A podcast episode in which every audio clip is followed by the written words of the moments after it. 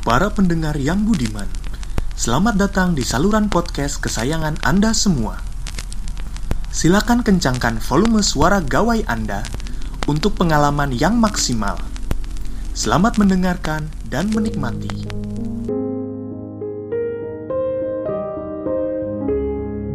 Oke, selamat pagi, siang, sore, malam, kapan pun pendengar yang budiman mendengarkan podcast ini. Hmm, untuk episode kali ini uh, mungkin agak lain sama episode-episode sebelumnya. Untuk yang kali ini uh, gue nggak ditemenin siapa-siapa, gue ngomong sendiri. Tapi uh, di sini kayak kemarin uh, beberapa hari lalu gue udah kayak ngirim, bukan ngirim, ngepost di Instagram gue uh, untuk apa kayak mempersilahkan uh, teman-teman followers gue yang punya pertanyaan seputar seni bisa ditanyain di situ gitu dan hasilnya ada beberapa pertanyaan mungkin akan gue ambil mungkin tiga cukup kali ya gue akan jawab di sini gitu jadi mungkin untuk episode kali ini lebih kayak Q&A aja Q&A gitu ya jadi jawab pertanyaan berdasarkan pertanyaan yang diajukan di Instagram. Oke, pertanyaan pertama. Ada yang bertanya begini. Seni, seni apa yang encer? Hmm. Uh, gua bisa jawab yang serius atau yang gak serius. Kalau yang serius, seni-seni apa yang encer? Menurut gue, hakikat seni adalah encer. Artinya, uh, kayak seni tuh bisa masuk di semua lini kehidupan gak sih? Uh, lu bisa ngomongin apa pun berkaitan dengan seni. Dan seni sangat encer bisa juga di, diinterpretasikan sebagai kayak uh, apa ya? Seni bisa masuk ke segala lini, uh, sangat adaptif. Uh, bayanginnya seni itu kayak air aja. Jadi ketika ada wadah apa, seni itu harus seharusnya bisa menyesuaikan dengan wadah tersebut. Di analoginya kayak seni uh, ketika ada di dalam kondisi masyarakat yang kondisinya A, seni maka seni akan menyesuaikan diri dengan masyarakat tersebut gitu.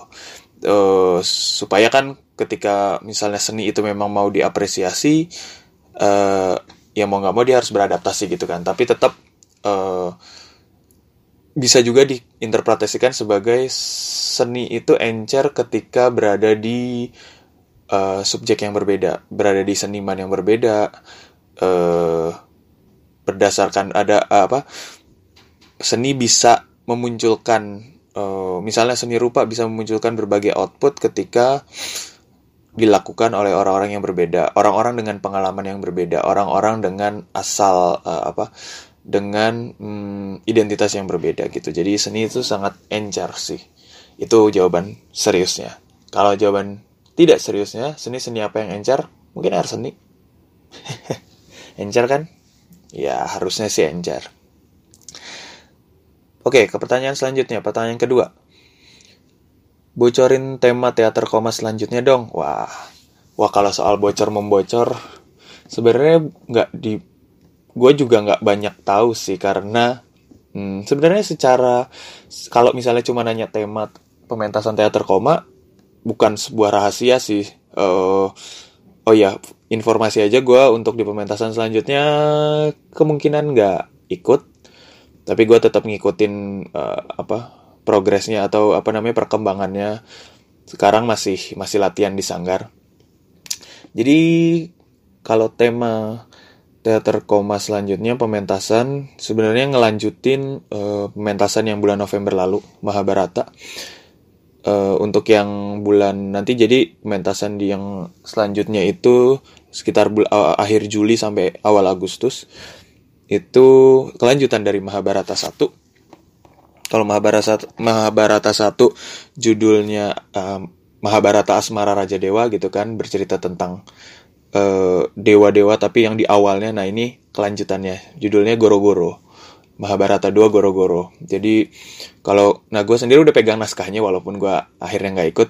Tapi gue lihat di situ naskahnya lebih banyak bercerita tentang hmm, untuk uh, kayak Semar, Petruk, Gareng, uh, Bagong yang kita ketahui selama ini itu porsinya setahu gue lebih agak lebih banyak terus hmm, tetap pakai animasi dan kemungkinan ya kayak mengambil uh, banyak sumber untuk Mahabharata ini. Ya gue nggak tahu persisnya sih tapi kalau untuk tema yaitu kita akan mainin Mahabharata 2 Goro-Goro sekitar akhir Juli sampai awal Agustus. Uh, ada sedikit apa ya? Ada satu peran yang diperankan uh, oleh aktor ternama Indonesia. Nah itu belum bisa gue bocorkan. Uh, Sebenarnya kalau mau cari-cari infonya lebih gampang sih. Uh, bisa cari di Instagram. Instagram itu hashtag teater koma itu yang latestnya tuh sebenarnya udah banyak ada beberapa uh, istilahnya bocoran-bocoran adegan, uh, kostum, hmm, apa namanya, sama yang pemeran tadi, yang pemeran dari aktor itu itu ada di situ. Jadi sebenarnya kalau mau ngupdate tentang pementasan buat bulan Juli bisa lewat situ. Karena gue juga ngupdate-nya lewat situ. Sekalian juga tanya teman-teman gitu. Nanti mungkin beberapa hari ke depan setelah lebaran, gue akan main-main ke Sanggar. Ya ntar gue sambil lihat latihannya kayak gimana. Gitu ya. Nanti kalau ada update akan gue kasih tahu. Pertanyaan ketiga. Satu, oh ini lebih ini nih, lebih tentang teater nih. Wah, menantang sekali. Satu aktorku Hamin satu sakit mas. Solusinya apakah sutradara terpaksa main atau ada solusi lain? Sebenarnya hmm, kalau Hamin satu sakit gitu ya, sebenarnya gue pernah ngalam, ngalamin sih. Karena gue di istilahnya di dimandatkan untuk menggantikan uh, salah satu aktor waktu itu di pementasan eksternal uh, di SMA. Aktornya sakit uh, dan Hamin satu gue di ini dimandatkan untuk menggantikan untuk pementasan gitu. Tapi memang sakitnya udah lama sih. Kalau untuk sakit yang mendadak mungkin agak susah ya gini. Sebenarnya gini, bisa di solusinya adalah sebenarnya bukan sutradara. Tapi lebih ke uh, kalau misalnya uh, sakitnya memang udah lama, itu bisa kayak diwanti-wanti untuk uh, sama si siapa uh, kalau misalnya ada siapa uh, pemimpin panggung, uh, stage manager.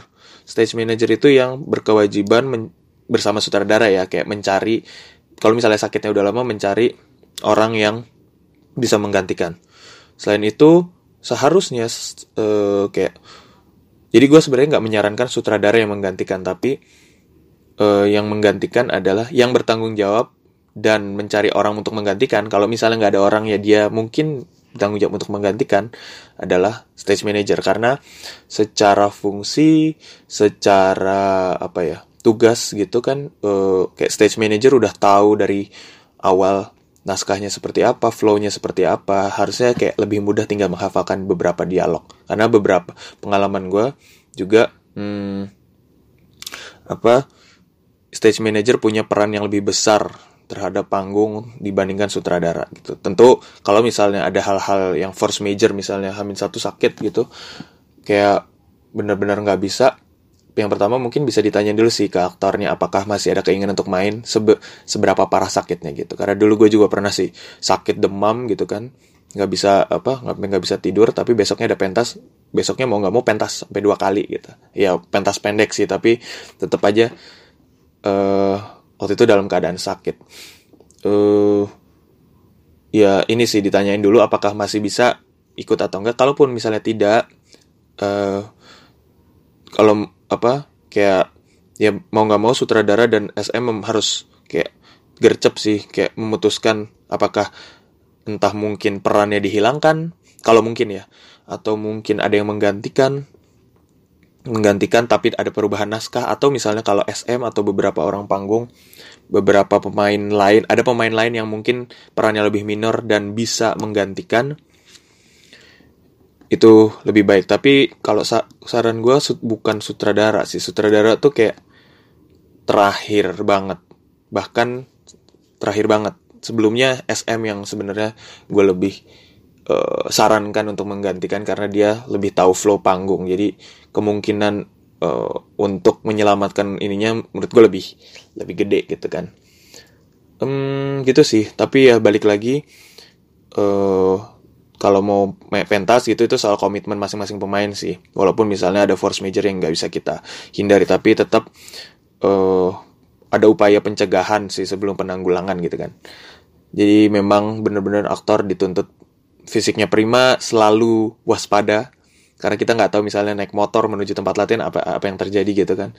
Karena tanggung jawabnya besar gitu. Nggak mungkin kan kayak oh deng lu mendapatkan peran besar di panggung terus lu kayak ya cuek gitu kan. Pasti tanggung jawab lu besar uh, karena yang lu harus lakukan besar gitu. Karena ketika lo nggak ada itu dampaknya akan sangat besar juga. Gitu sih. Mungkin itu aja. Semoga bisa menjawab semua pertanyaan yang tadi udah diajukan. Wah, deket eh apa dikit nih ininya durasinya cuma 10 menit. Oke okay, thank you. Sampai ketemu di episode selanjutnya. Bye.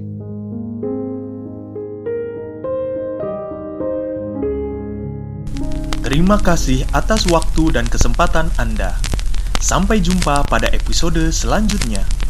Yang dibicarakan ketika membicarakan seni.